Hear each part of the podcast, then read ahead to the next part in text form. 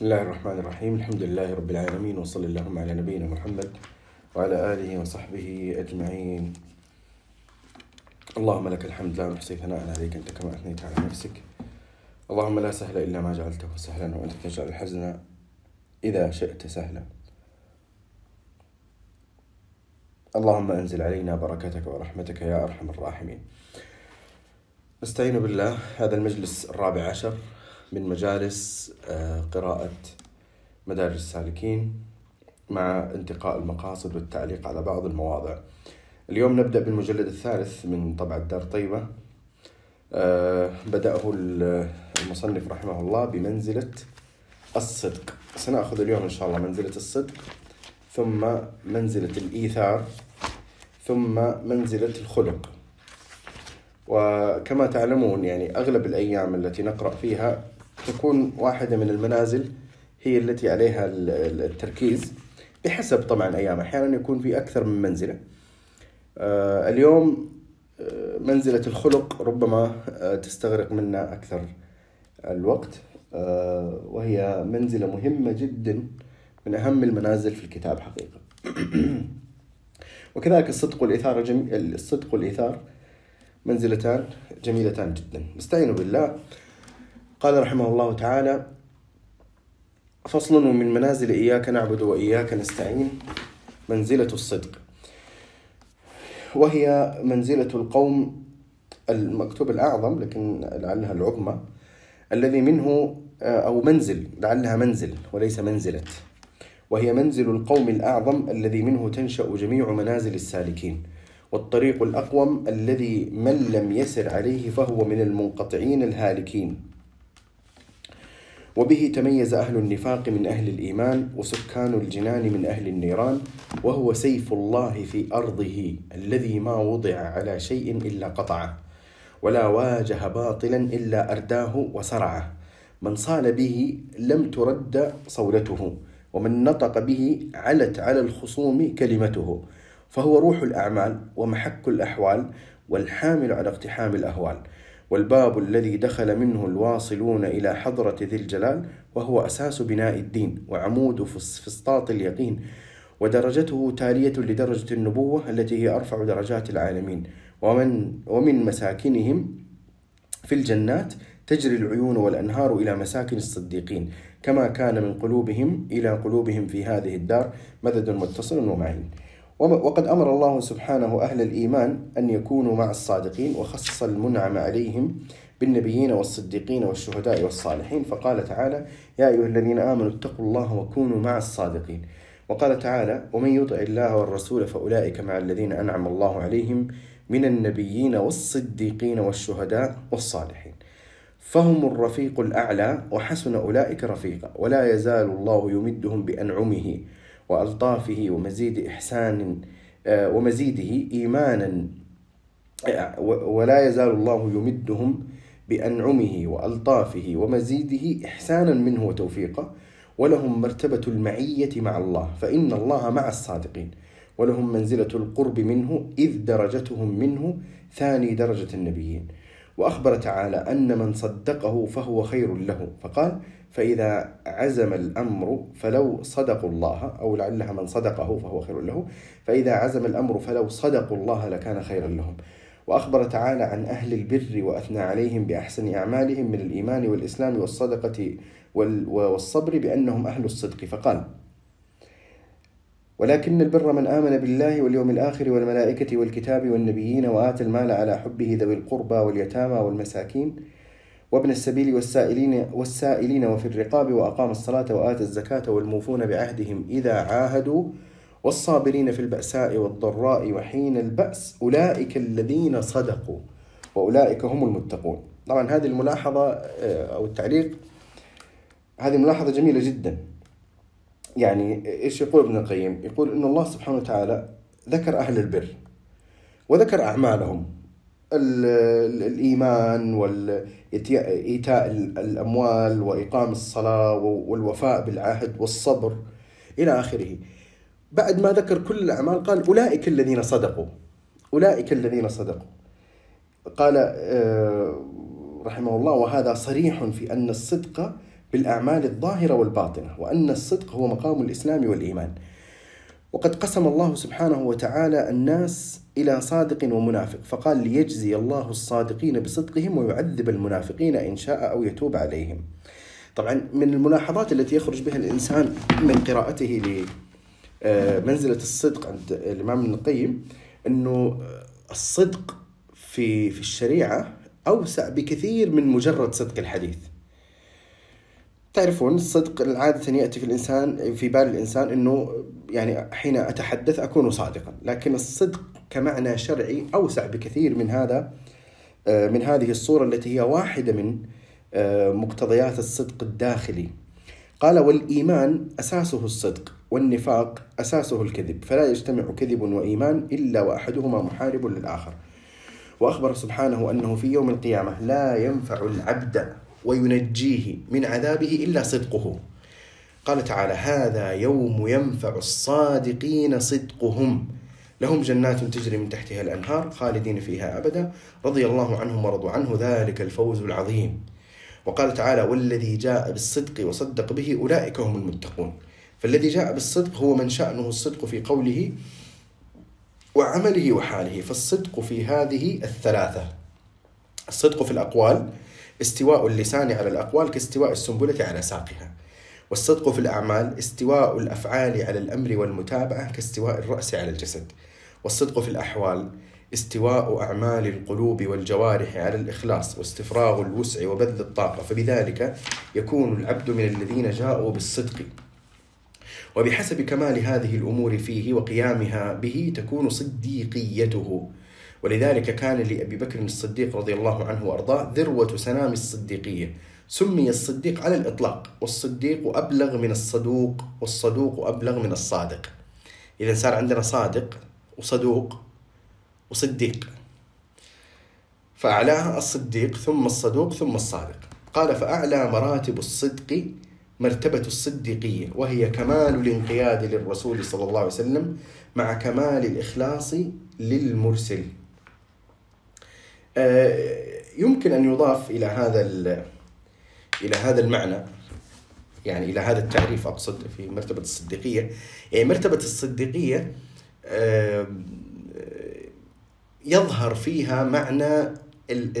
زياده التصديق زياده التصديق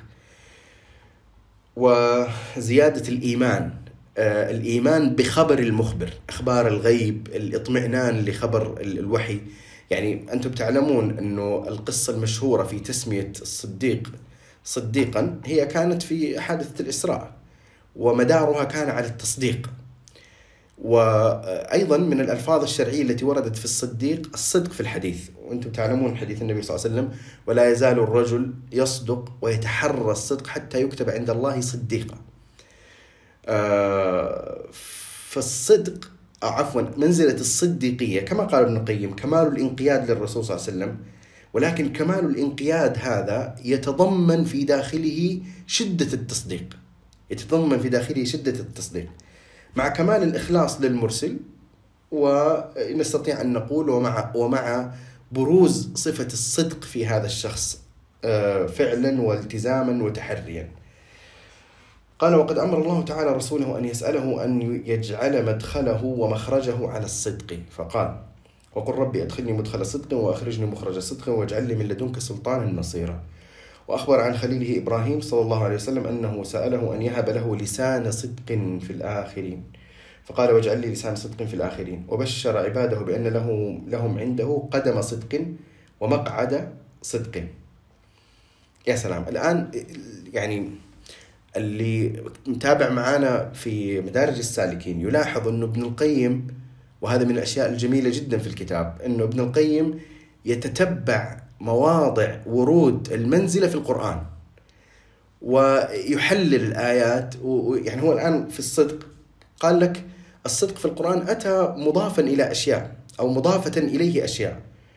فجاء في القرآن مدخل صدق ومخرج صدق ولسان صدق وقدم صدق ومقعد صدق إيش هذه الأشياء؟ الآن بيفسرها واحدة واحدة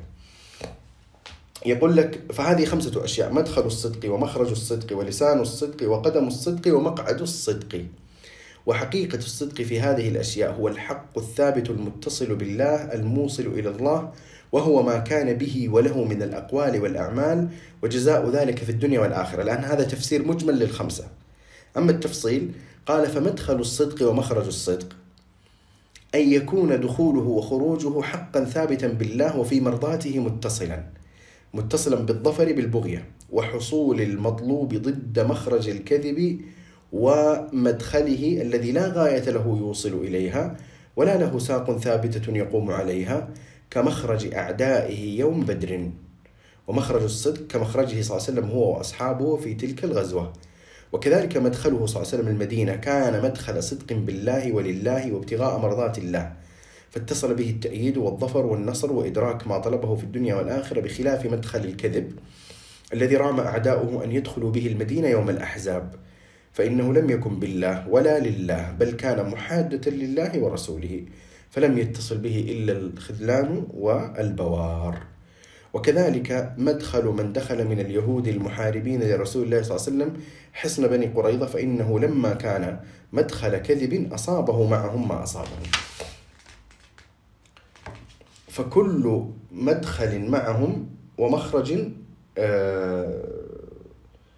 إيه، لعلها كما نبه المحقق بحذف معهم فكل مدخل ومخرج كان بالله ولله فصاحبه ضامن على الله فهو مدخل صدق ومخرج صدق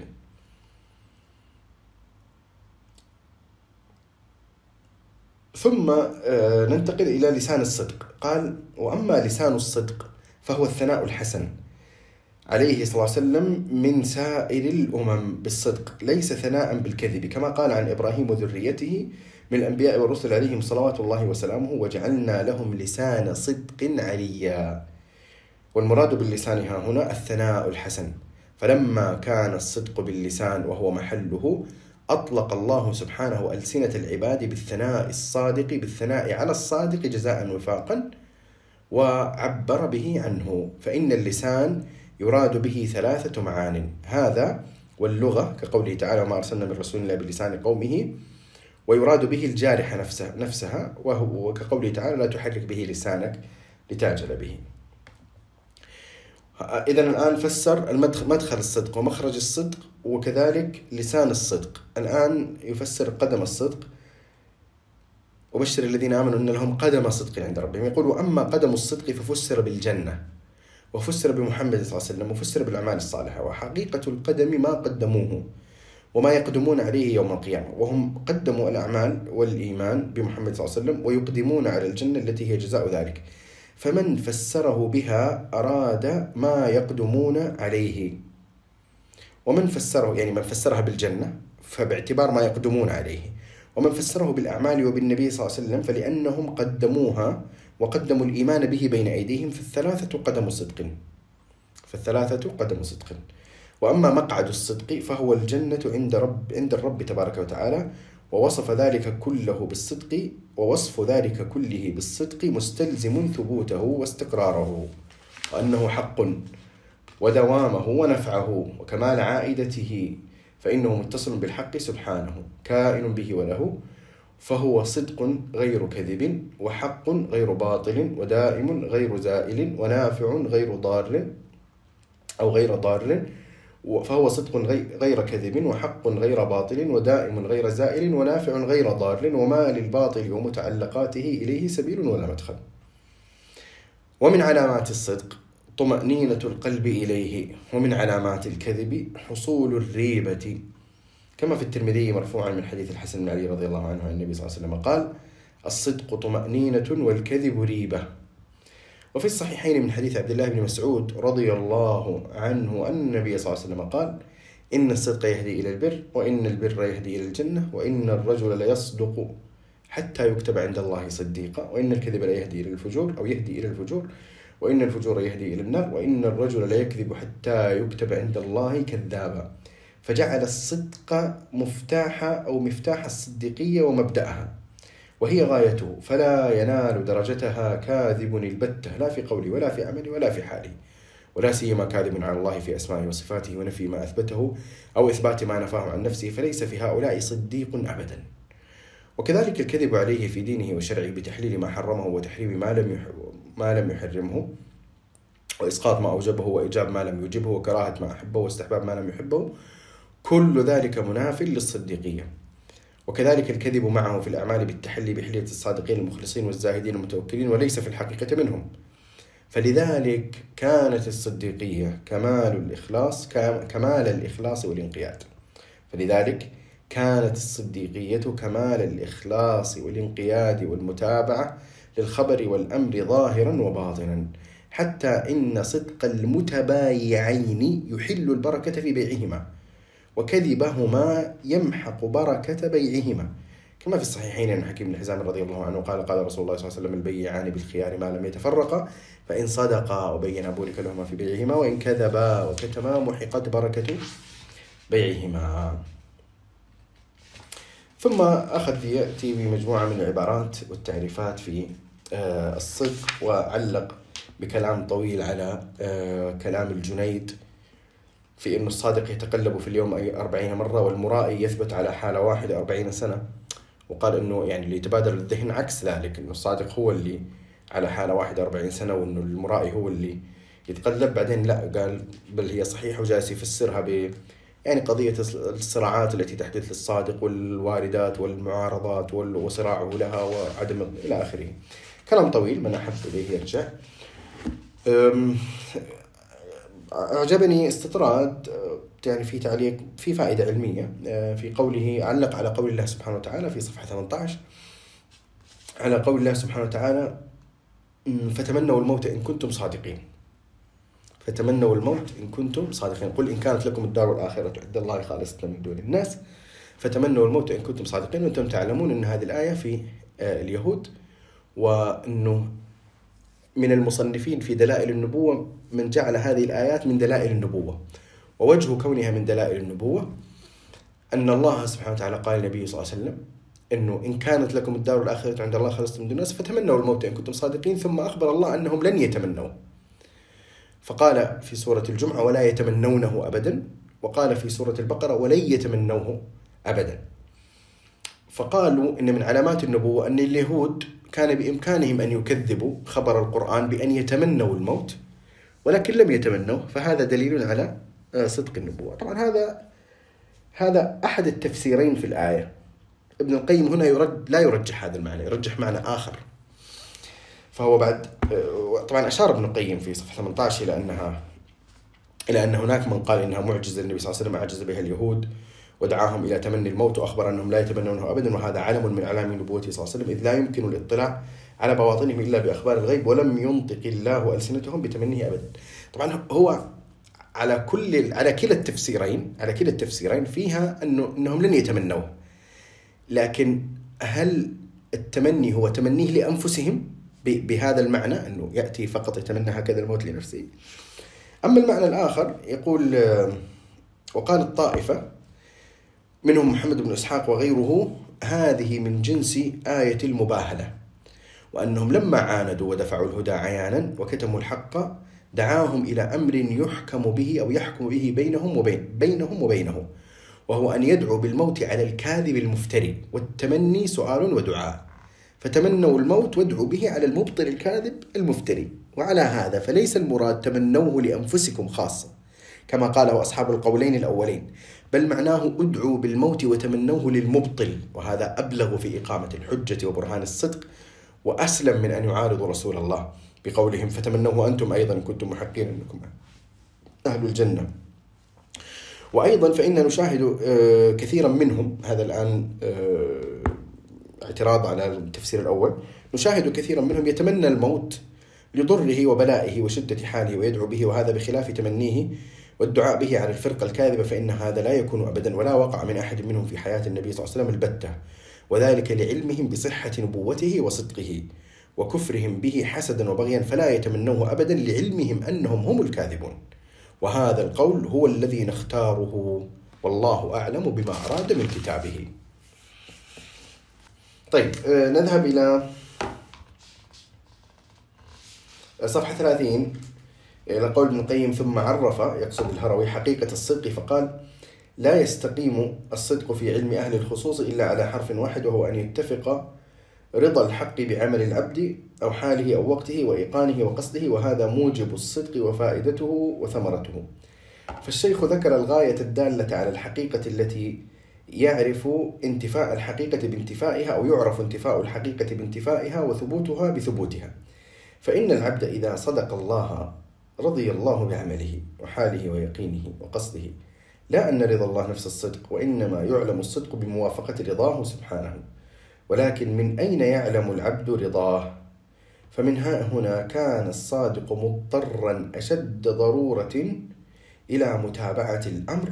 والتسليم للرسول صلى الله عليه وسلم في ظاهره وباطنه والاقتداء به والتعبد بطاعته في كل حركة وسكون مع إخلاص القصد لله عز وجل فإن الله تعالى لا يرضيه من عبده إلا ذلك وما عدا هذا ففوت النفس ومجرد حظها واتباع أهوائها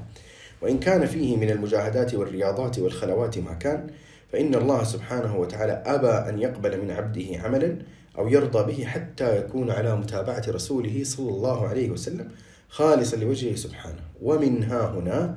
يفارق الصادق أكثر السالكين بل يستوحش في طريقه وذلك لقلة سالكها فإن أكثرهم سائرون على طرق أذواقهم وتجريد أنفاسهم لنفوسهم ومتابعة رسوم شيوخهم والصادق في واد وهؤلاء في واد طبعا أيضا تكلم عن شيء تحدثنا عنه سابقا ذكره ابن القيم اللي هي قضية الحقيقة الكونية والحقيقة الشرعية أو الإرادة الكونية والإرادة الشرعية أو ما قارب ذلك فنتجاوز هذا كله إلى منزلة الإيثار قال رحمه الله تعالى فصل ومن منازل إياك نعبد وإياك نستعين منزلة الإيثار آه، هنا تعليق مهم جدا حقيقة ابن القيم من الأشياء الجميلة في في هذا الكتاب أنه هو آه، إذا أتى للمنازل الأخلاقية الاخلاقيه يفرع منها اشياء متعلقه بالتعامل مع الله سبحانه وتعالى يعني مثلا الايثار ايش يجي ببالك الايثار ايثار ما يجي ببالك الا الشيء المتعلق بالخلق اليس كذلك انه يعني عندي اوثر اخي على نفسي بشيء انا في حاجه اليه ولكن اقدمه على نفسي هذا الايثار وهذا صحيح لكن ابن القيم في المنازل الأخلاقية ولاحظ أنا أتكلم عن الأخلاقية لأنه أغلب منازل الكتاب ليست من باب المنازل الأخلاقية اللي هي متعلقة بالخلق وإنما أغلبها منازل قلبية متعلقة بين بين العبد وربه لكن في الكتاب منازل أخلاقية ومنها منزلة الإيثار ومنها منزلة التواضع ومنها منزلة الأدب ومنها منزلة الفتوة ومنها منزلة المروءة ومنها منزلة الخلق منزلة الخلق فتجد انه يلفت الانتباه في هذه المنازل او بعضها الى الى شعب من هذه من هذه المنازل متعلقه في التعامل بين العبد وربه حتى في الايثار حتى في الايثار هناك شعبه من شعب الايثار متعلقه في التعامل بين العبد وربه من غير واسطه الخلق من غير ان تؤثر اخاك على نفسك كيف هذا سياتينا ان شاء الله في هذه المنزله لكن هي لفته مهمه جدا لفتة مهمة جدا لا غير الاخلاء سيأتي عموما قال فصل من منازل إياك نعبد وإياك نستعين منزلة الإيثار قال الله تعالى ويؤثرون على أنفسهم ولو كان بهم خصاصة ومن يوق شح نفسه فأولئك هم المفلحون فالإيثار ضد ضد الشح فإن المؤثر على نفسه تارك لما هو محتاج إليه والشحيح حريص على ما ليس بيده فإن حصل بيده شيء شح عليه وبخل بإخراجه فالبخل ثمرة الشح والشح يأمر بالبخل الشحيح حريص على ما ليس بيده فإذا حصل بيده شيء شح عليه وبخل بإخراجه فالبخل ثمرة الشح والشح يأمر بالبخل كما قال النبي صلى الله عليه وسلم إياكم والشح فإن الشح أهلك من كان قبلكم أمرهم بالبخل فبخلوا وأمرهم بالقطيعة فقطعوا فالبخيل من أجاب داعي الشح والمؤثر من أجاب داعي الجود كذلك السخاء عما في أيدي الناس هو السخاء وهو أفضل من سخاء البذل آه، قال عبد الله مبارك سخاء النفس عما في أيدي الناس أفضل من سخاء النفس بالبذل وهذا المنزل هو منزل الجود والسخاء والإحسان وسمي بمنزل الإيثار لأنه أعلى مراتبه فإن المراتب ثلاثة إحداها ألا ينقصه البذل لا ينقصه البذل ولا يصعب عليه فهذه منزلة السخاء يعني شخص مقتدر يستطيع أن ينفق ولا ينقص الإنفاق من آه، ما يمتلك شيئا هذه منزلة سخاء الثاني أن يعطي الأكثر ويبقي له شيئا أو, أو يبقي مثل ما أعطى فهذه منزلة الجود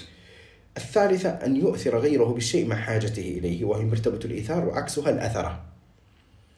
وهي استئثاره عن أخيه بما هو محتاج إليه الإيثار والأثرة متقاربتان في الألفاظ ولكن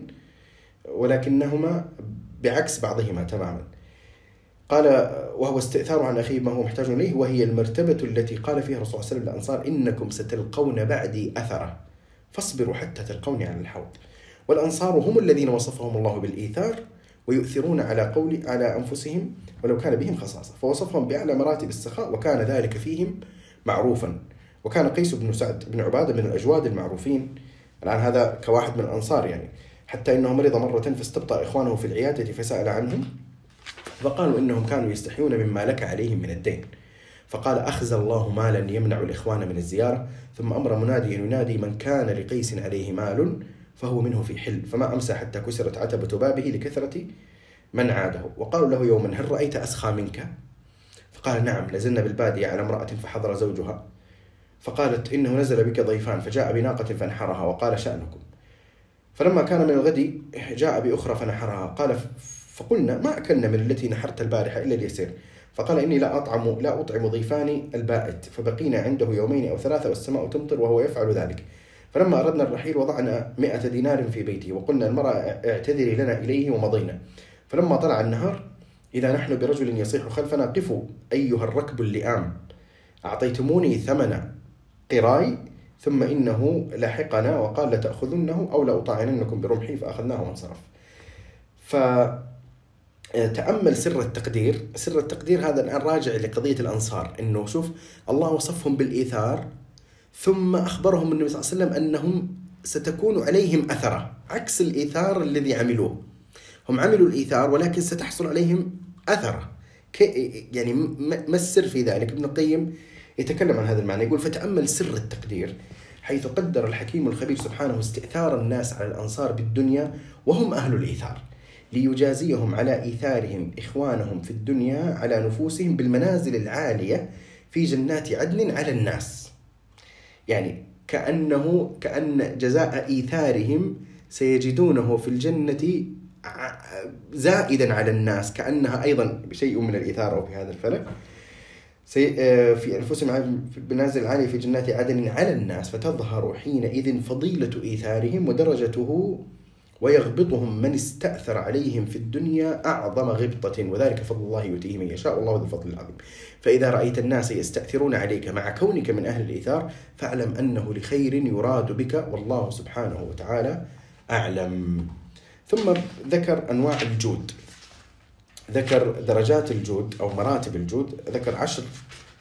آه، عشرة آه، مراتب فقال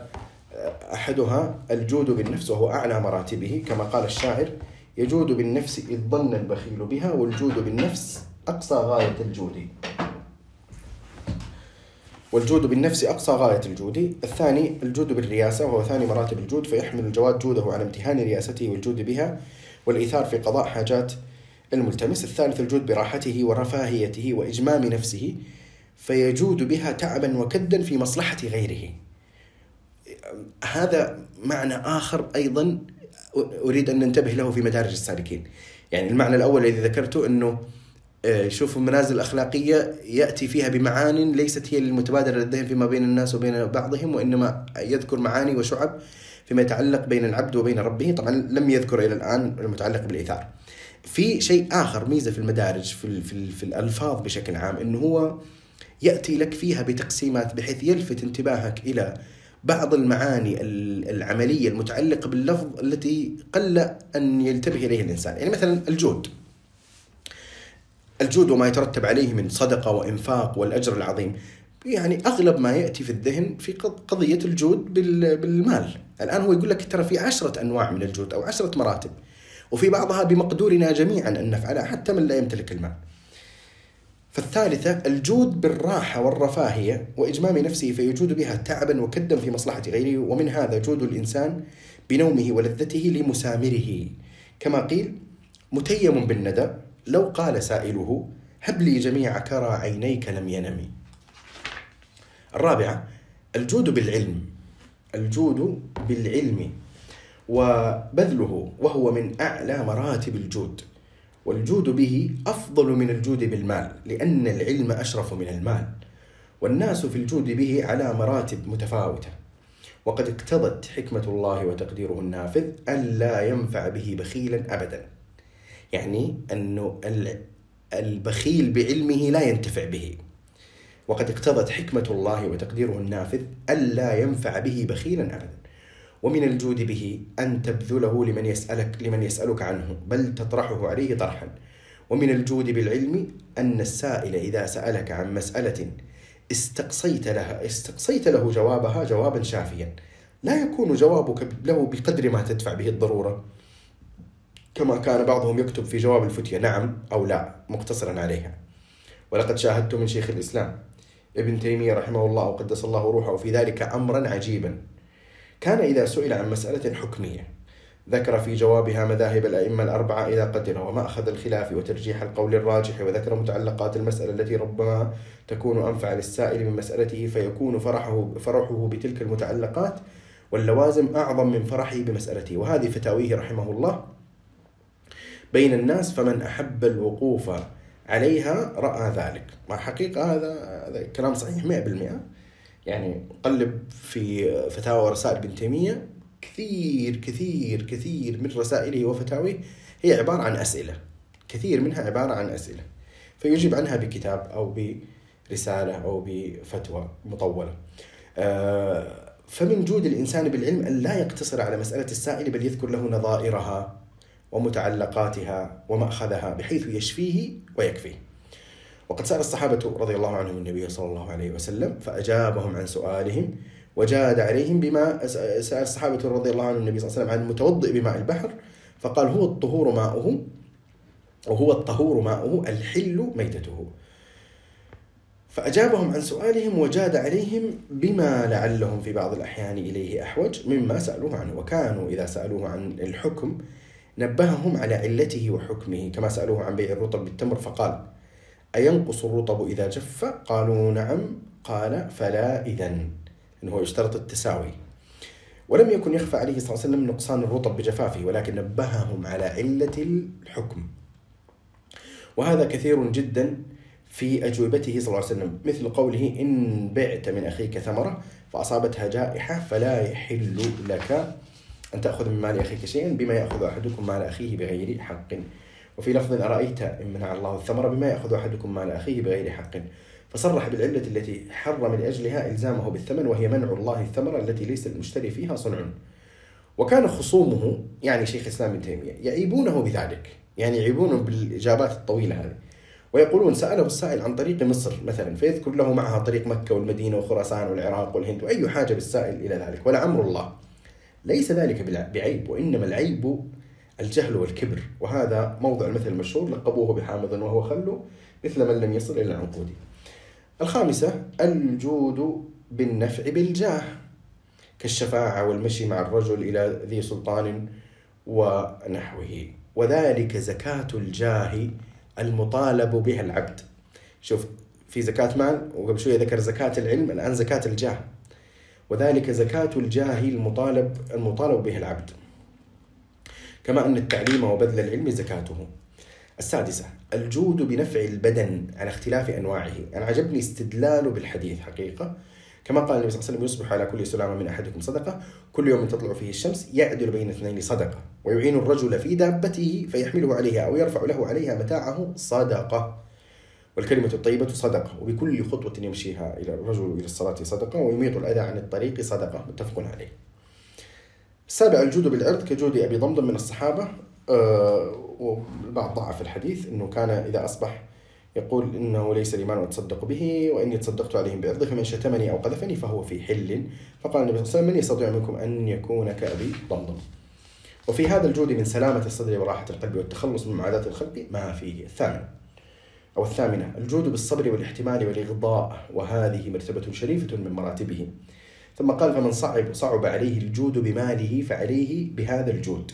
فإنه يجتني ثمرة عواقبه الحميدة في الدنيا قبل الآخرة وهذا جود الفتوة قال تعالى والجروح قصاص فمن تصدق به فهو كفارة له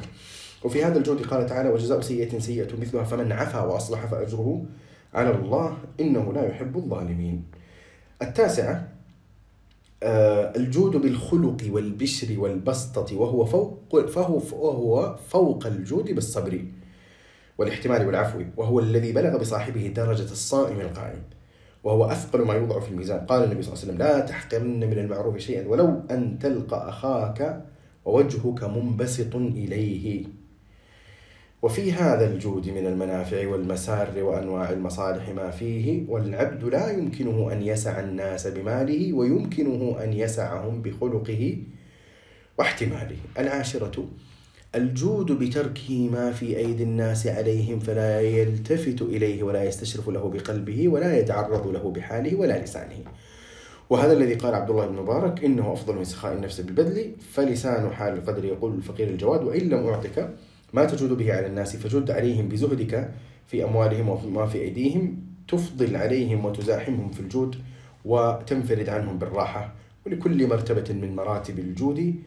مزيد وتأثير خاص في القلب والحال والله سبحانه قد ضمن المزيد للجواد والإتلاف للممسك والله المستعان شوف الجمال في الموضوع أنه هو كمان أو أيضا ربطه ربطه بقضية القلب يعني تأثير الخلق على القلب طيب الآن ذهب أو نذهب إلى 55 تكلم عن مسألة الإيثار بالقرب ما يسمى بالإيثار بالقرب يعني هل يدخل في الإيثار أنك تؤثر إنسان آه، على نفسك في طاعة يعني مثلا الصف الأول في مكان واحد تقدمه آه، في الصف الأول من باب الإيثار ولا ما يصير إيثار هنا هنا باختصار شديد رجح أنه لا ما في إيثار في الطاعات ما في إيثار في القرب والطاعات لكن المحقق أشار إلى أنه في في زاد المعاد كأنه رجح عكس هذه المسألة فما وجدت فرصة حقيقة مناسبة أرجع لزاد المعاد في هذا الموضع وأنظر آه، في ترجيحي هناك لكن عموما ناخذ آه، اخر سطر في صفحه 56 قال وكل سبب يعود عليك بصلاح قلبك ووقتك وحالك مع الله فلا تؤثر به احدا فإن آثرت به فإنما تؤثر الشيطان على الله وأنت لا تعلم طبعا هذا لا ما يدخل فقط في الأعمال العملية وإنما هنا يتكلم أكثر شيء أو بصورة أخص في قضية صلاح القلب والوقت والحال قال ومن هنا تكلم الفقهاء في الإيثار بالقرب وقالوا إنه مكروه أو حرام كمن يؤثر بالصف الأول غيره ويتأخر هو أو يؤثر بقربه آه، بقربه من الإمام يوم الجمعة ويؤثر غيره بالأذان والإقامة ويؤثره بعلم يحرمه نفسه ويرفعه فيفوز به وتكلموا في إثار عائشة لعمر بن الخطاب بالدفن عند في في حجرتها وأجابوا عنه إلى آخره طبعا هو آه، أجاب أيضا عن هذا وأن هذا ليس من باب الأعمال طيب ننتقل الآن إلى ما أشرت إليه في البداية وهو الفرع المتعلق بالعلاقة بين العبد وبين ربه في منزلة الإيثار وليس بتوسط الخلق في صفحة 59 يقول آه، بعد أن ذكر الهروي آه، إيثار رضا الله على رضا غيره وإن عظمت فيه المحن وثقلت فيه المؤن وضعف عنه الطول والبدن يقول ابن القيم رحمه الله إيثار رضا الله عز وجل على غيره هو أن يريد ويفعل ما فيه مرضاته ولو أغضب الخلق وهي درجة الأنبياء وأعلاها للرسل عليهم الصلاة والسلام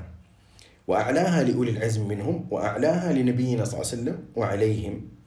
آه، وأعلاها لنبينا صلى الله عليه وسلم طيب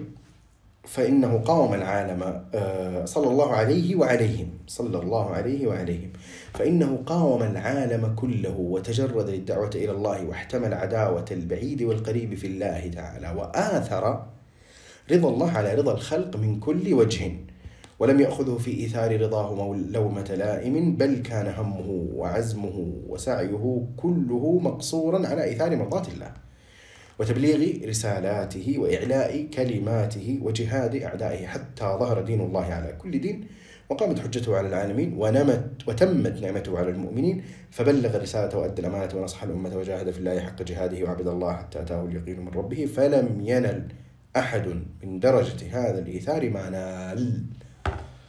صلوات الله وسلامه عليه طيب ثم يعلق أيضا يقول يتكلم عن إيثار عن, إيثار الخلق بعكس هذا يعني هو إيثار رضا الله على رضا الخلق طيب الذي يؤثر رضا الخلق على رضا الله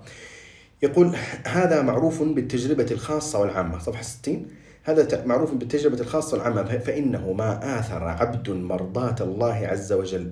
على مرضاة الخلق قبل قبل أن يذهب إلى إلى إلى إيثار الخلق على الحق وإنما إيثار الحق على الخلق يقول هذا معروف بالتجربة الخاصة العامة فإنه ما آثر عبد مرضاة الله عز وجل على مرضاة الخلق وتحمل ثقل ذلك ومؤنته وصبر على محنته إلا أنشأ الله له من تلك المحنة والمؤنة نعمة ومسرة ومعونة بقدر ما تحمل من مرضاته فانقلبت مخاوفه أمنا ومضان عطبه نجاة وتعبه راحة ومؤنته معونة وبليته نعمة ومحنته منحة وسخطه رضا فيا خيبة المتخلفين ويا ذلة المتهيبين ثم قال هذا وقد جرت الآن هذا العكس وقد جرت سنة الله التي لا تبديل لها أن من آثر مرضاة الخلق على مرضاته أن يسخط عليه من آثر رضاه الآن قبل قضية سخط الله على العبد لا من آثرته على رضا الله هو نفسه يسخط عليك سيؤول الأمر إلى أن يسخط عليك قال هذا وقد جرت سنة الله التي لا تبديل لها أن من آثر مرضاة الخلق على مرضاته أن يسخط عليه من آثر رضاه ويخذله من جهته أو أن يسخط عليه من آثر رضاه ويخذله من جهته ويجعل محنته على يديه فيعود حامده ذاما ومن آثر مرضاته ساخطا فلا على مقصوده منهم حصل ولا إلى ثواب مرضاة ربه وصل وهذا أعجز الحلق الخلق وأحمقهم آه، الواقع فيه شواهد طبعا من اللي يتأمل في الواقع في يجد شواهد يعني على هذا المعنى بشكل واضح هذا مع أن رضا الخلق لا مقدور ولا مأمور ولا مأثور فهو مستحيل بل لا بد من سخطهم عليك فلأن يسخطوا عليك وتفوز برضا الله فلأن يسخطوا عليك وتفوز برضا الله تعالى أحب إليك وأنفع إليك أنفع لك من أن يسخطوا عليك والله عنك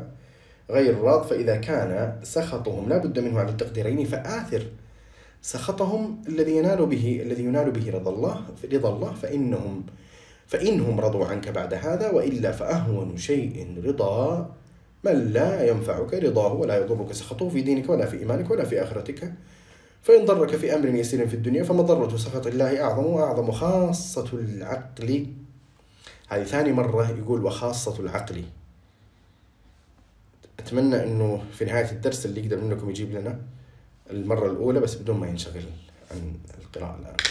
قال وخاصة العقل احتمال أدنى المفسدتين لدفع أعلاهما وتفويت أدنى المصلحتين لتحصيل أعلاهما فوازن بعقلك ثم انظر أي الأمرين خير فآثره وإيهما شر فابعده أو فابعد عنه فهذا برهان قطعي ضروري في إيثار رضا الله على رضا الخلق هذا مع أنه إذا آثر رضا الله كفاه الله مؤنة غضب الخلق وإذا آثر رضاهم لم يكفوه مؤنة غضب, غضب الله عليه ثم ذكر الأبيات فليتك تحلو والحياة مريرة وليتك ترضى والأنام غضاب وليت الذي بيني وبينك عامر وبيني وبين العالمين خراب إذا صح منك الود فالكل هين وكل الذي فوق التراب تراب طيب كيف كيف آه، يحصل هذا الإيثار كيف يحصل هذا الإيثار يقول من المعلوم أن المؤثر لرضا الله متصدي لمعاداة الخلق وأذاهم وسعيهم في إتلافه ولا بد هذه سنة الله في خلقه وإلا فما ذنب الأنبياء والرسل والذين يأمرون بالقسط من الناس والقائمين بدين الله الذابين عن كتابه وسنة رسوله عندهم فمن آثر رضا الله فلا بد أن يعاديه فلا بد أن يعاديه أو يعاديه رذا رذالة العالم وسقطهم وغرثاهم وجهلهم آه، وأهل البدع والفجور منهم وأهل الرياسات الباطلة وكل من يخالف هديه هديه فما يقدم على معاداة هؤلاء إلا طالب الرجوع إلى الله عامل آه، إلا طالب الرجوع إلى الله عامل على سماع خطاب يا أيتها النفس المطمئنة ارجع إلى ربك راضية مرضية ومن إسلامه صلب كامل لا تزعزعه الرجال ولا تقلقله الجبال ومن عقد ومن عقد عزيمة صبره محكم لا تحله المحن والشدائد والمخاوف قلت وملاك ذلك أمران الزهد في الحياة والثناء فما ضعف من ضعف من ضعف وتأخر من تأخر إلا بحبه للحياة والبقاء وثناء الناس عليه ونفرته من ذمهم له فإذا زهد في هذين الشيئين تأخرت عنه العوارض كلها وانغمس حينئذ في العساكر وملاك هذين الشيئين بشيئين صحة اليقين وقوة المحبة وملاك هذين الشيئين بشيئين أيضا بصدق اللجأ والطلب والتصدي بصدق اللجأ والطلب والتصدي للأسباب الموصلة إليهما هذا كلام أيضا متن يشرح يقول لك الآن أنت لما تبغى تؤثر رضا الله على رضا الخلق راح تتعرض لمعاداة الناس ولا بد الفجور والبدع والرياسات الباطلة إلى آخره طيب كيف راح تقدر يكون إسلامك صلب كامل حتى تواجه ولا تتزعزع يقول ملاك ذلك أمران الزهد في الحياة والزهد في الثناء طيب هذان الأمران ملاكهما أمران صحة اليقين وقوة المحبة يعني حتى تصل إلى الزهد في الحياة ويعني عدم التشبث بها وحتى تصل إلى الزهد في الثناء تحتاج إلى أمرين صحة اليقين وقوة المحبة وحتى تصل إلى صحة اليقين وقوة المحبة تحتاج إلى أمرين وهما واحد صدق اللجأ والطلب والثاني التصدي للأسباب الموصلة إليهما طيب آه، ننتقل إلى منزلة الخلق وهي آخر منزلة في هذا اليوم و إن شاء الله ما نطيل فيها كثير يعني نحاول ناخذ فيها مثل ما أخذنا في الصدق أو أكثر قليلا طيب يقول فصل ومن منازل إياك نعبد وإياك نستعين منزلة الخلق قال الله تعالى لنبيه صلى الله عليه وسلم وإنك لعلى خلق عظيم قال ابن عباس ومجاهد لعلى دين عظيم لا دين أحب إلي ولا أرضى عندي عندي منه وهو دين الإسلام وقال حسن هو آداب القرآن وفي الصحيحين أن هشام بن حكيم سأل عائشة رضي الله عنها عن خلق رسول الله صلى الله عليه وسلم فقالت كان خلقه القرآن طبعا هو الحديث في صحيح مسلم وليس في الصحيحين وقد جمع الله له مكارم الأخلاق في قوله تعالى خذ العفو وأمر بالعرف وأعرض عن الجاهلين خذ العفو وأمر بالعرف وأعرض عن الجاهلين قال جعفر بن محمد أمر الله نبيه صلى الله عليه وسلم بمكارم الأخلاق وليس في القرآن آية أجمع لمكارم الأخلاق من هذه الآية طيب ثم ننتقل إلى طيب و... ممكن نقف سريعا مع تفسير الآية في الصفحة التالية 68 لما قال فقد قال الله تعالى خذ العفو وامر بالعرف واعرض عن الجاهلين قال عبد الله بن الزبير امر امر الله نبيه ان ياخذ العفو من اخلاق الناس قال مجاهد يعني خذ العفو من اخلاق الناس واعمالهم من غير آه، تحسيس او تخسيس مثل قبول الاعذار والعفو والمساهله الى اخره آه، وامر بالعرف قال ابن القيم ثم قال تعالى وامر بالعرف وهو كل معروف واعرفه يعني أعرف معروف التوحيد ثم حقوق العبودية وحقوق العبيد ثم قال تعالى وأعرض عن الجاهلين يعني إذا سفه عليك أحد إذا سفه عليك الجاهل فلا تقابله بالسفه كقوله تعالى وإذا خطبهم الجاهلون قالوا سلاما وعلى هذا فليست بمنسوخة بل يعرض عنه مع إقامة حق الله عليه ولا ينتقم لنفسه وهكذا كان خلقه صلى الله عليه وسلم وهكذا كان خلقه صلى الله عليه وسلم قال انس رضي الله عنه كان رسول الله صلى الله عليه وسلم احسن الناس خلقا وقال ما مسست ديباجا ولا حريرا الين من كف رسول الله صلى الله عليه وسلم ولا شممت رائحه قط اطيب من رائحه رسول الله صلى الله عليه وسلم ولقد خدمت رسول الله صلى الله عليه وسلم عشر سنين فما قال لي قط اف ولا قال لي شيء لي ولا قال لي لشيء فعلته لما فعلته ولا لشيء لم افعله الا فعلت كذا واخبر صلى الله عليه وسلم ان البر هو حسن الخلق وفي صحيح مسلم عن نواس بن سمعان رضي الله عنه قال سالت رسول الله صلى الله عليه وسلم عن البر والاثم فقال البر حسن الخلق والاثم ما حاك في صدرك وكرهت ان يطلع عليه الناس طيب وفي الترمذي عن ابي الدرداء رضي الله عنه عن النبي صلى الله عليه وسلم ما من شيء اثقل في ميزاني المؤمن يوم القيامة من حسن الخلق جماعة الأحاديث الواردة في حسن الخلق لا تمر علينا كذا الأحاديث الواردة في حسن الخلق لا تمر علينا هكذا يجب أن تنتبه إلى نوع هذه الأحاديث ونرجع مرة ثانية للموضوع المركزي اللي هو مراتب الأعمال اللي يتأمل في نصوص الشريعة سيجد أنه مرتبة حسن الخلق حسن الخلق سيجد أن مرتبتها في الشريعة عالية جداً وأن محلها في الميزان محل شريف ثقيل جدا والإنسان يبرمج معاييره وموازينه في التقرب إلى الله سبحانه وتعالى بناء على ثقل هذا العمل في النصوص الشرعية فاللي يتأمل في النصوص الشرعية ومنزلة حسن الخلق منها عجيب ما من شيء أثقل في الميزان يوم القيامة في ميزان يوم القيامة من حسن الخلق وإن الله تعالى ليبغض الفاحش البذيء وإن الله تعالى ليبغض الفاحش البذيء قال الترمذي حديث حسن صحيح وفيه أيضا صححه عن أبي هريرة رضي الله عنه أن رسول الله صلى الله عليه وسلم سئل عن أكثر ما يدخل الناس الناس الجنة فقال تقوى الله وحسن الخلق وسئل عن أكثر ما يدخل الناس النار فقال الفم والفرج وفيه أيضا عن عائشة رضي الله عنها النبي صلى الله عليه وسلم وصححه أن من أكمل المؤمنين إيمانا أحسنهم خلقا وخياركم خياركم لنسائهم وفي الصحيح عن عائشة رضي الله عنها عن النبي صلى الله عليه وسلم إن المؤمن ليدرك بحس بحسن خلقه درجة الصائم القائم رواه أبو داود وعن ابن عمر رضي الله عنهما عن النبي صلى الله عليه وسلم أنا زعيم ببيت في ربض الجنة لمن ترك المراء وإن كان محقا وببيت في وسط الجنة لمن ترك الكذب وإن كان مازحا وببيت في أعلى الجنة لمن حسن خلقه قال ابن القيم وإسناده صحيح فجعل البيت العلوي جزاء لأعلى المقامات الثلاثة وهي حسن الخلق والأوسط لأوسطها وهي وهو ترك الكذب والأدنى لأدناها وهو ترك المماراة وإن كان معه حق ولا ريب أن حسن الخلق مشتمل على هذا كله طيب فصل هذا مت... هذه جملة تحفظ سجلوا عندكم الجمل التي تحفظ قال ابن القيم الدين كله خلق فمن زاد عليك في الخلق زاد عليك في الدين الدين كله خلق فمن زاد عليك في الخلق زاد عليك في الدين وكذلك التصوف ننزل تحت قال وحسن الخلق يقوم على أربعة أركان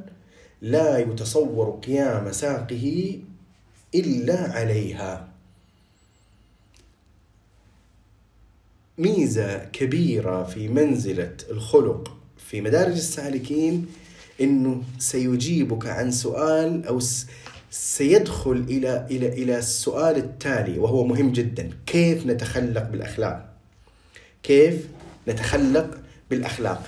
فالجواب عن هذا بمقامين المقام الاول هو ان تفهم ما تقوم عليه الاخلاق الحسنه ايش العمد ايش ايش الاركان ايش القواعد ايش الكتل التي تؤسس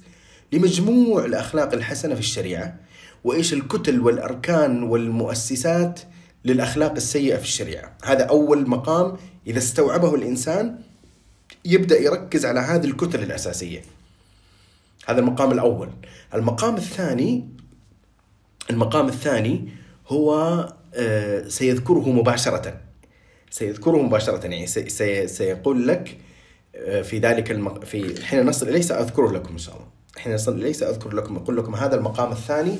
الذي يستطيع الانسان اذا راعاه ان يخلق نفسه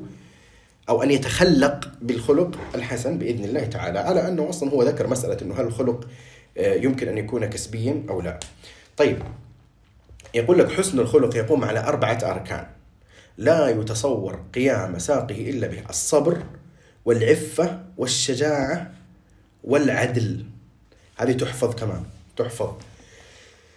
كل واحد منها انظروا ايش متعلق احنا قلنا هذه كتل او اركانها كل واحد من هذه الاربعه شوفوا ايش يتولد عنه من الاخلاق يقول فالصبر يحمله على الاحتمال وكظم الغيظ وكف الاذى والحلم والأنا والرفق وعدم الطيش والعجلة طبعا كلها من حسن الخلق والعفه تحمله على اجتناب الرذائل والقبائح من القول والفعل وتحمله على الحياء وعلى وهو رأس كل خير وتمنعه من الفحشاء والبخل والكذب والغيبة والنميمة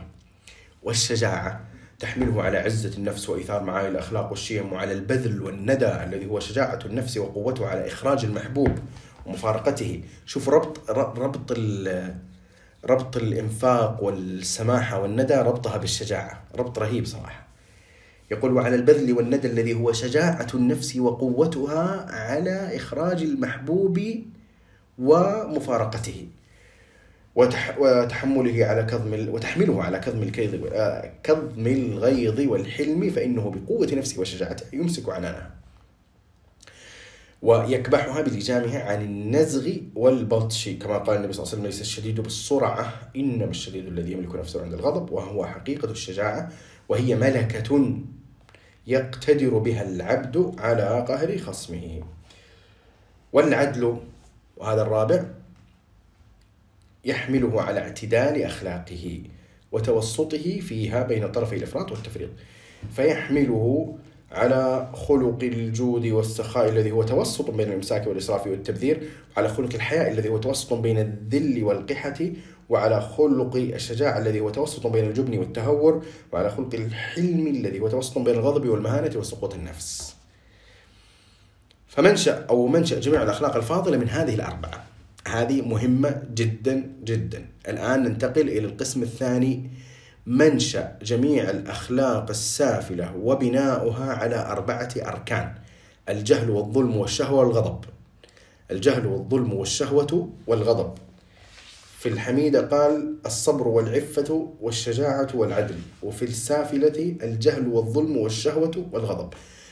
فالجهل يريه يريه الحسن في صورة القبيح والقبيح في صورة الحسن والكمال نقصا النقص كمالا والظلم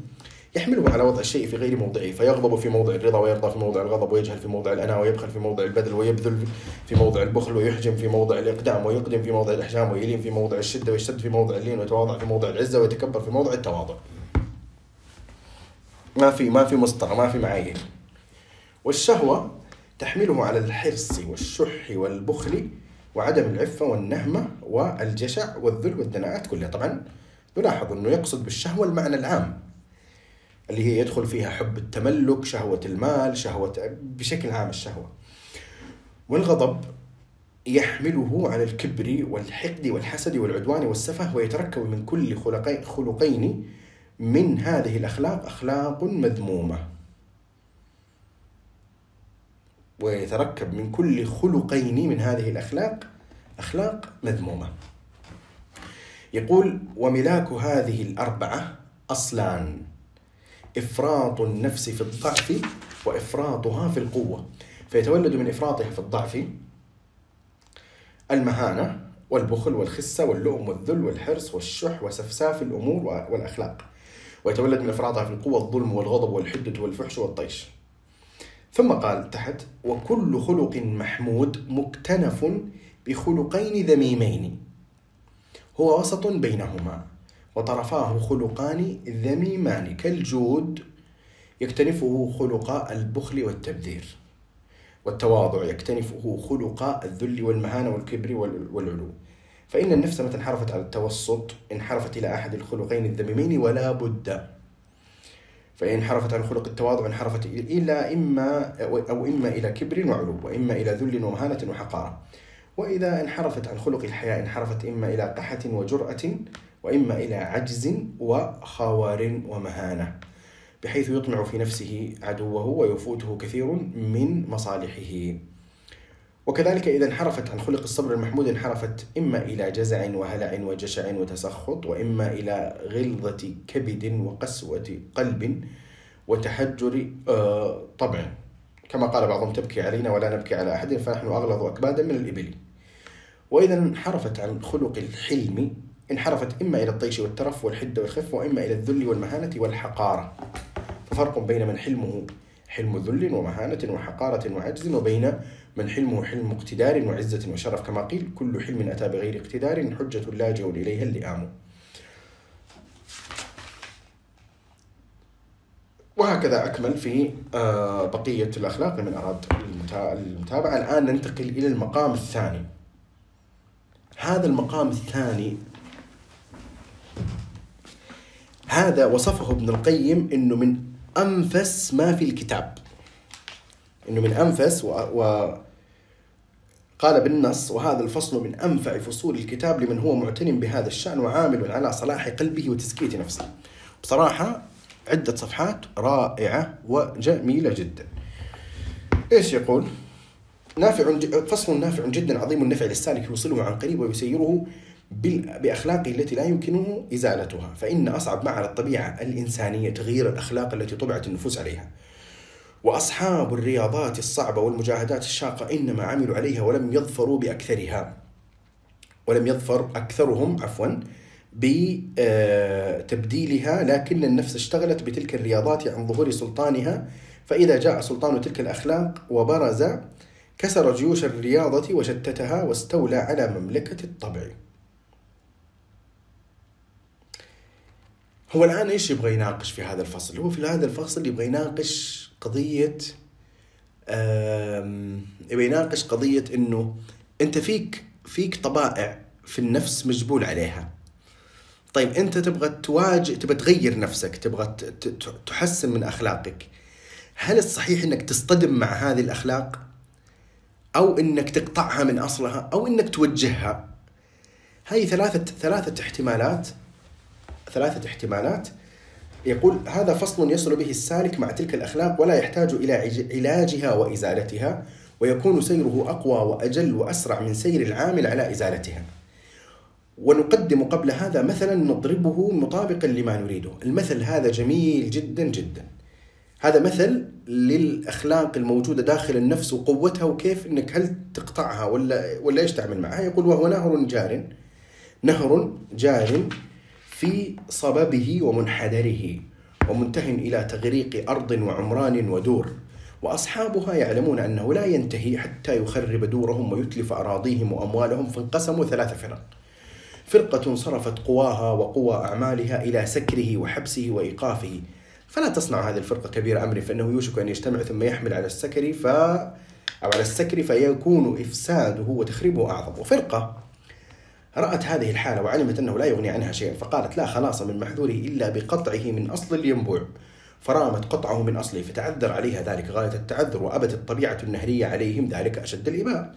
فهم دائما في قطع الينبوع وكلما سدوه من موضع نبع من موضع فاشتغل هؤلاء بشأن هذا النهر عن الزراعات والأعمال عن الزراعات والعمارات وغرس الأشجار فجاءت فرقة ثالثة خالفت رأي الفرقتين وعلموا أنهم قد ضاع عليهم كثير من مصالحهم فأخذوا في صرف ذلك النهر عن مجراه المنتهي إلى العمران فصرفوه إلى موضع ينتفعون بوصوله إليه ولا يتضررون به فصرفوه إلى أرض قابلة للنبات وسقوها به فأنبتت أنواع العشب والكلأ والثمار المختلفة الأصناف فكانت هذه الفرقة هم أصوب الفرق في شأن هذا النهر فإذا تبين هذا المثل فالله سبحانه قد اقتضت حكمته أن ركب الإنسان وسائر الحيوان على طبيعة محمولة على قوتين غضبية وشهو وشهوانية وهي الإرادية وهاتان القوتان هما الحاملتان لأخلاق النفس وصفاتها وهما مركوزان في جبلة كل حيوان فبقوة الشهوة والإرادة ولاحظوا الشهوة بالمعنى العام ها فبقوة الشهوة والإرادة يجذب المنافع إلى نفسه وبقوة الغضب يدفع المضار عنها فإذا استعمل الشهوة في طلب ما يحتاج إليه تولد منها الحرص وإذا استعمل الغضب في دفع المضرة عن نفسه تولد منها القوة والغيرة فإذا عجز عن ذلك الضار أورثه قوة الحقد وإن أعجزه وصول ما يحتاج إليه ورأى غيره مستبدا به أورثه الحسد فإن ظفر به أورثته شدة شهوته وإرادته خلق البخل والشح وإن اشتد حرصه وشهوته على الشيء ولم يمكنه تحصيله إلا بالقوة الغضبية فاستعملها فيه أورثه ذلك العدوان والبغي والظلم ومنه يتولد الكبر والفخر والخيلاء فإنها أخلاق متولدة من بين قوتي الشهوة والغضب وتزوج أحدهما بصاحبه طيب الحل يقول لك فإذا تبين هذا فالنهر مثال هاتين القوتين وهو منصب في جدول الطبيعة ومجراها إلى دور القلب وعمرانه وحواصله يخربها ويتلفها ولا بد فالنفوس الجاهلة الظالمة تركته ومجراه فخرب ديار الإيمان وقلع آثاره وهدم عمرانه وأنبت موضعها كل شجرة خبيثة من حنظل وضريع وشوك وزقوم وهو الذي يأكله أهل النار يوم القيامة يوم المعاد وأما النفوس الزكية الفاضلة فإنها رأت ما يؤول إليه أمر هذا النهر فافترقوا ثلاث فرق فأصحاب الرياضات والمجاهدات والخلوات والتمرينات راموا قطعه من ينبوعه فأبت عليهم ذلك حكمة الله تعالى وما طبع عليه الجبلة البشرية ولم تنقد له الطبيعة فاشتد القتال ودام الحرب وحمي الوطيس وصارت الحرب دولا وسجالا وهؤلاء صرفوا قواهم إلى مجاهدة النفس على إزالة تلك الصفات وفرقة أعرضوا عنها وشغلوا نفسهم نفوسهم بالأعمال ولم يجيبوا دواعي تلك الصفات مع تخليتهم إياها على مجراها لكن لم يمكنوا نهرها من إفساد عمرانهم بل اشتغلوا بتحصين العمران وإحكام بنائه وأساسه ورأوا أن ذلك النهر لا بد أن يصل إليه فإذا وصل وصل إلى بناء محكم فلم يهدمه بل أخذ عنه يمينا وشمالا فهؤلاء صرفوا قوة عزيمتهم وإرادتهم في العمارة وإحكام البناء وأولئك صرفوها في قطع المادة الفاسدة من أصلها خوفا من هدم البناء وسألت يوما شيخ الإسلام ابن تيمية طبعا هذه بس الفرقتين لسه ما جاءت الثالثة وسألت يوما شيخ الإسلام ابن تيمية رحمه الله عن هذه المسألة وقطع الآفات والاشتغال بتنقية الطرق وتنظيفها فقال لي جملة كلامه النفس مثل الباطوس وهو جب القدر كلما نبشته ظهر وخرج ولكن إن أمكنك أن تسقف عليه وتعبره وتجوز فافعل ولا تشتغل بنبشه فإنك لن تصل إلى قراره وكلما نبشت شيئا ظهر غيره فقلت سألت عن هذه المسألة بعض الشيوخ يا أخي شوف كيف كانت مسائلهم وهذا ذكرك مسائل الصحابة مع الأسف كثير في مجتمعات طلاب العلم الآن ما ما عندهم أسئلة إلا أسئلة معرفية مجردة يعني آه، مين ايش حكم كذا مين مؤلف كذا مين بس معلومات معلومات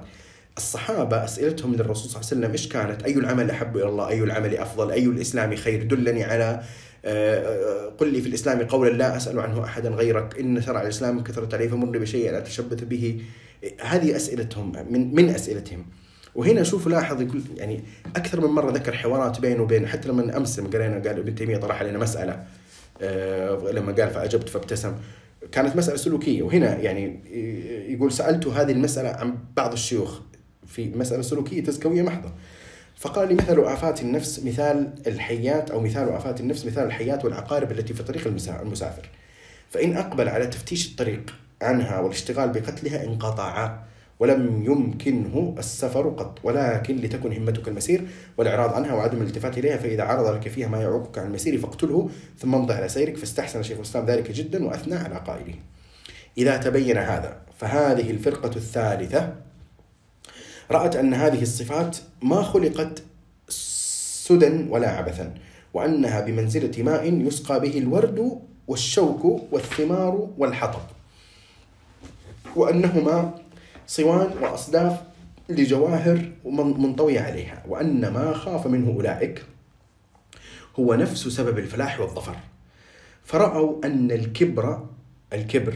نهر يسقى به العلو والفخر والبطر والظلم والعدوان ويسقى به علو الهمة والأنفة والحمية والمراغمة لأعداء الله وقهرهم والعلو عليهم وهذه درة في صدفته فصرفوا مجراه إلى هذا الغراس واستخرجوا هذه الدرة من صدفه من صدفته وأبقوه على حاله في نفوسهم ولكن استعملوه حيث يكون استعماله أنفع وقد رأى النبي صلى الله عليه وسلم أبا دجانة يتبختر بين الصدفين فقال لها لمشية لمشية يبغضها الله إلا في مثل هذا الموضع طبعا مما يروى في السيرة وفي حيث الإسناد فيه ما فيه فانظر كيف خلى مجرى هذه الصفة وهذا الخلق يجري في أحسن مواضعه وفي الحديث الآخر وأظنه في المسند إن من الخيلاء, الخيلاء ما يحبه الله ما يحبها الله ومنها ما يبغضها الله فالخيلاء التي يحبها الله اختيال الرجل في الحرب وعند الصدقة فانظر كيف صارت الصفة المذمومة عبودية وكيف استحال القاطع موصلا فصاحب الرياضات والعامل على قطع أصول هذه الصفات مجتهد على قدر مادة الخيلاء والكبر وهذا قد أقرها في موضعها وأعدها لأقرانها وهو مصرف لها في مصرف بعينه على مطلبه توصله إليه وكذلك خلق الحسد وهذا تعليق لطيف يعني يريد أن يقول أنه ترى الحسد ليس كل الحسد شيء سيء يعني يمكن أن توظفه في شيء معنى حسد يقول هو كالصدقة لذرة ل... ل... ايش؟ لذرة أو لذرة الغبطة والمنافسة كما قال النبي صلى الله عليه وسلم في الحديث الصحيح لا حسد إلا في اثنتين رجل آتاه الله مالا فسلطه على هلكته في الحق ورجل آتاه الله القرآن فهو يقوم به أناء الليل وأطراف النهار فالحسد يوصل إلى المنافسة التي يحبها الله ويأمر بها في قوله وفي ذلك فليتنافس, فليتنافس المتنافسون فلا تعمل على انهدام هذا الخلق من نفسك بل اصرفه إلى الحسد المحمود الحامل على المنافسة في الرتب العالية وتزاحم أهلها بالركب لا تتمنى زوال نعمة الله عن عبد فتزول عنك ويبقيها عليه وكذلك خلق الحرص فإنه من أنفع الأخلاق وأوصلها إلى كل خير وشدة الطلب بحسب قوة الحرص فلا تعمل على قطعه ولكن علقها بما ينفع النفس في معادها ويكملها ويزكيها كما قال صلى الله عليه وسلم احرص على ما ينفعك واستعن بالله ولا تعجز فقوة الحرص لا تذم وإنما يذم صرفها إلى ما يضر الحرص عليه أو لا ينفع وغيره أنفع للعبد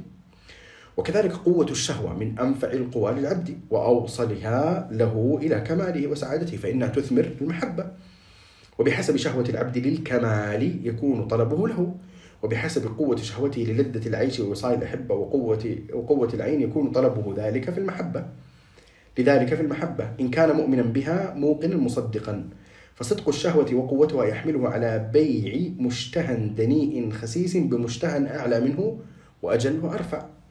وكذلك قوة الشح والبخل محمودة جدا نافعة للعبد فإنها تحمله على بخله وشحه بزمانه ووقته وانفاسه ان يضيعها ويسمح بها لمن لا يساوي ويشح ايضا غايه الشح على حظه ونصيبه من الله ان يبيعه او يهبه لاحد من الخلق ويشح ايضا بماله ويبخل به كل البخل الا يكون في ميزانه وان يتركه لغيره يتنعم به ويفوته ويفوته هو اجره وثوابه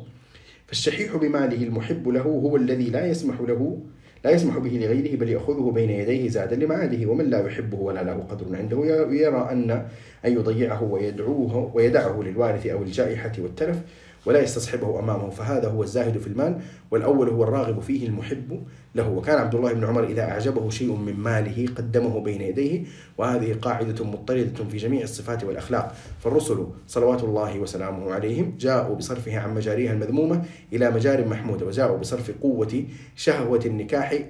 قوة الشهوة إلى النكاح والتسري حتى كان لسليمان عليه السلام 100 امرأة ولداود عليه السلام 99 وجمع رسول الله صلى الله عليه وسلم بين تسع وأباح للأمة أربعا ما طاب لهم من النساء ومن السرار بلا خصوص فالقوة والمحقق يقول يقول فصرفوا القوة فصرفوا القوة بهذه الشهوة عن مجرى الحرام إلى مجرى الحلال الذي يحبه الله وهو أحب إليه من نفل العبادة عند أكثر الفقهاء وكذلك جاءوا بصرف قوة الغضب الغضبية إلى الجهاد إلى جهاد أعداء الله والغلظة عليهم والانتقام منهم وكذلك جاءوا بصرف قوة اللهو والركوب ونحوه إلى اللهو والرمي والمسابقة على الخيل وركوبها في سبيل الله وركوبها في سبيل الله واللهو في العرس وكذلك شهوة استماع الأصوات المطربة اللذيذة لا يذم بل يحمد وقد وقف النبي صلى الله عليه وسلم على أبي موسى الأشعري رضي الله عنه واستمع قراءته وقال لقد أوتي هذا مزمارا من مزامير آل داود وكان عمر بن الخطاب رضي الله عنه يأمره إذا حضر عنده مع الصحابة أن يسمعهم قراءته فيقرأ وهم يسمعون هذا كان سماع القوم فمن فمن حرم هذا السماع أو من كرهه وهل هذا إلا سماع خواص الأولياء فأين هذا من سماع المكاء والتصدية وقرآن الشيطان وآلات المعازف بنغمات الشاهد فلا بد للروح من سماع طيب تتغذى به ولكن لا يستوي من غذاء العسل والحلواء والطيبات ومن غذاؤه الرجيع والميتة والدم ولحم الخنزير وما أهل به لغير الله ويا عجبا إن كان أهل هذا الغذاء لا يرون آثاره على شفاههم ووجوههم أفلا يستحيون من معاينة أرباب البصائر ذلك عليهم مرة أخرى ويا عجبا إن كان أهل هذا الغذاء لا يرون آثاره على شفاههم ووجوههم أفلا يستحيون من معاينة أرباب البصائر ذلك عليهم والمقصود أن رسوم الطبيعة وقواها لا يمكن تعطيلها في دار الابتلاء والامتحان فالبصير العارف يستعملها في مواضعها النافعة له التي لا تحرم عليه أو تحرم عليه دينا ولا تقطع ولا تقطع عليه طريقا ولا تفسد عليه حاله مع الله ولا تسقطه من عينه وهذا الفصل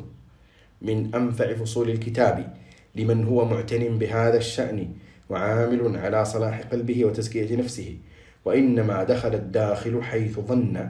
أن تزكية النفس وتهذيب الأخلاق بتيسير طريق الرياضات والمجاهدات والخلوات هيهات هيهات طبعا هو لا يقصد نفي مبدأ الرياضة والمجاهدة رياضة النفس ومجاهدتها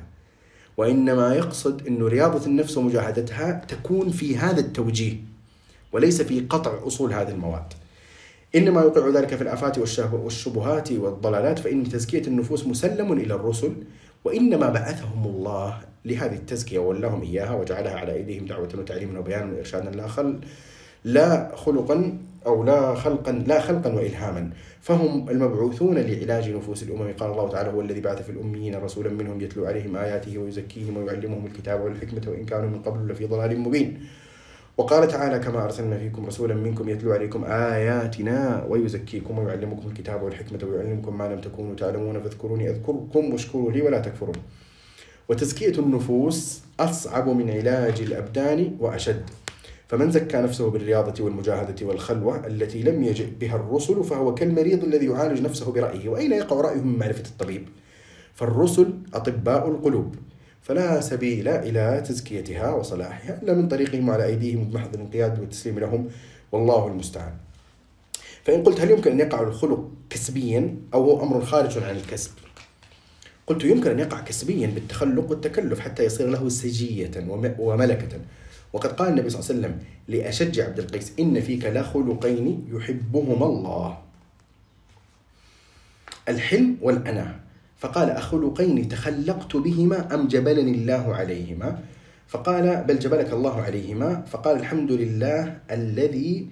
جبلني على خلقين يحبهما الله ورسوله فدل على أن من الخلق ما هو طبيعة وجبلة وما هو مكتسب وكان النبي صلى الله عليه وسلم يقول في دعاء الاستفتاح اللهم اهدني لأحسن الأخلاق لا يهدي لأحسنها إلا أنت واصرف عني سيئها لا يصرف عني سيئها إلا أنت فذكر الكسب والقدر والله أعلم من الفصول النافعة التي أدعوكم للرجوع إليها أنا أقرأها يقول المشاهد التي يقف آه، عندها او المشاهد التي يمر بها الانسان مقابل اذى الخلق اذى الخلق وجنايتهم في صفحه 94 يقول هناك احد عشر مشهد مشهدا فيما يصيبه من اذى الخلق وجنايتهم يعني مثلا منها مشهد الصبر منها مشهد العفو والصفح والحلم منها مشهد الرضا منها مشهد الإحسان منها مشهد السلامة وبرد القلب منها مشهد الأمن منها مشهد الجهاد آه، مشهد الجهاد حقيقة أعجبني كثيرا دعوني أقرأه من صفحة 98 يقول المشهد الثامن مشهد الجهاد وهو أن يشهد تولد أذى الناس له من جهاده في سبيل الله وأمرهم بالمعروف ونهيهم عن المنكر وإقامة دين الله وإعلاء كلمته يعني هو يقول نوع من الأذى الذي يأتي الإنسان المسلم بسبب ما يدخل في جنس الجهاد في سبيل الله يقول صاحب هذا المقام قد اشترى الله منه نفسه وماله وعرضه بأعظم الثمن فإن أراد أن يسلم إليه الثمن فليسلم هو السلعة ليستحق ثمنها فلا حق له على من آذاه ولا شيء له قبله إن كان قد رضي بعقد هذا التبايع فإنه قد وجب أجره على الله وهذا ثابت بالنص وإجماع الصحابة رضي الله عنهم ولهذا منع النبي صلى الله عليه وسلم المهاجرين من سكنى مكة أعزها الله ولم يرد على أحد منهم داره ولا ماله الذي أخذه الكفار ولم يضمنهم آه، دية من قتلوه في سبيل الله ولما عزم الصديق رضي الله عنه على تضمين أهل الردة ما أتلفوه من نفوس المسلمين وأموالهم قاله عمر بن الخطاب بمشهد من الصحابة تلك دماء وأموال ذهبت في الله وأجورها على الله ولا دية لشهيد فأصفق الصحابة على قول عمر يعني أطبقوا عليه ووافقه عليه الصديق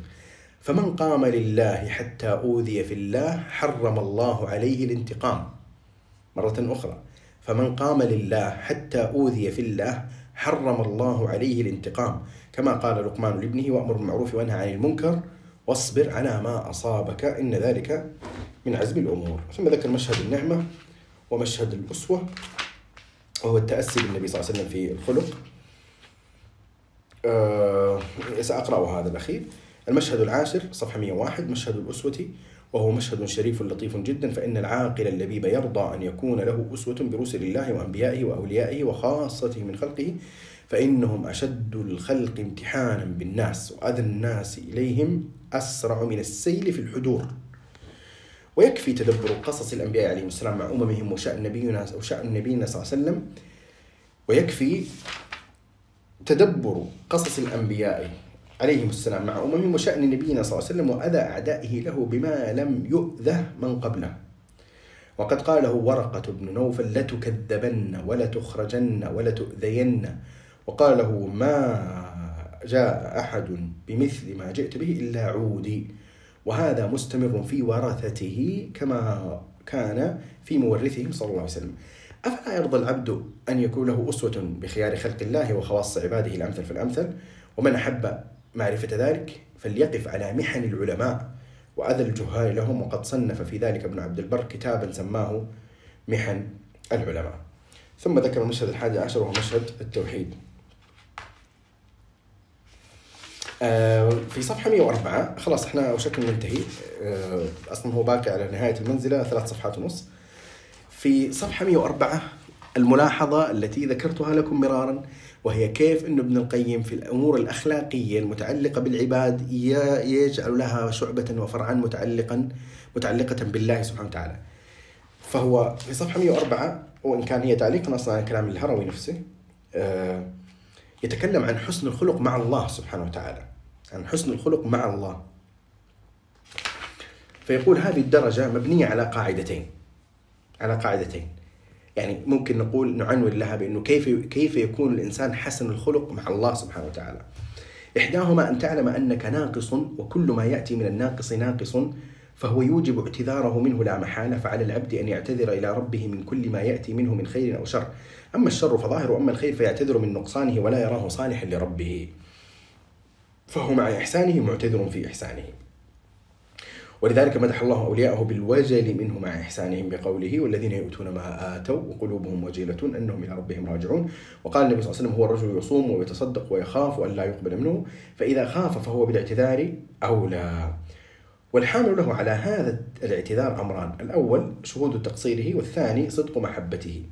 طيب الثانية القاعدة الثانية اللي هي تدفع إلى الحسن والخلق مع الله سبحانه وتعالى استعظام كل ما يصدر استعظام كل ما يصدر منه سبحانه إليك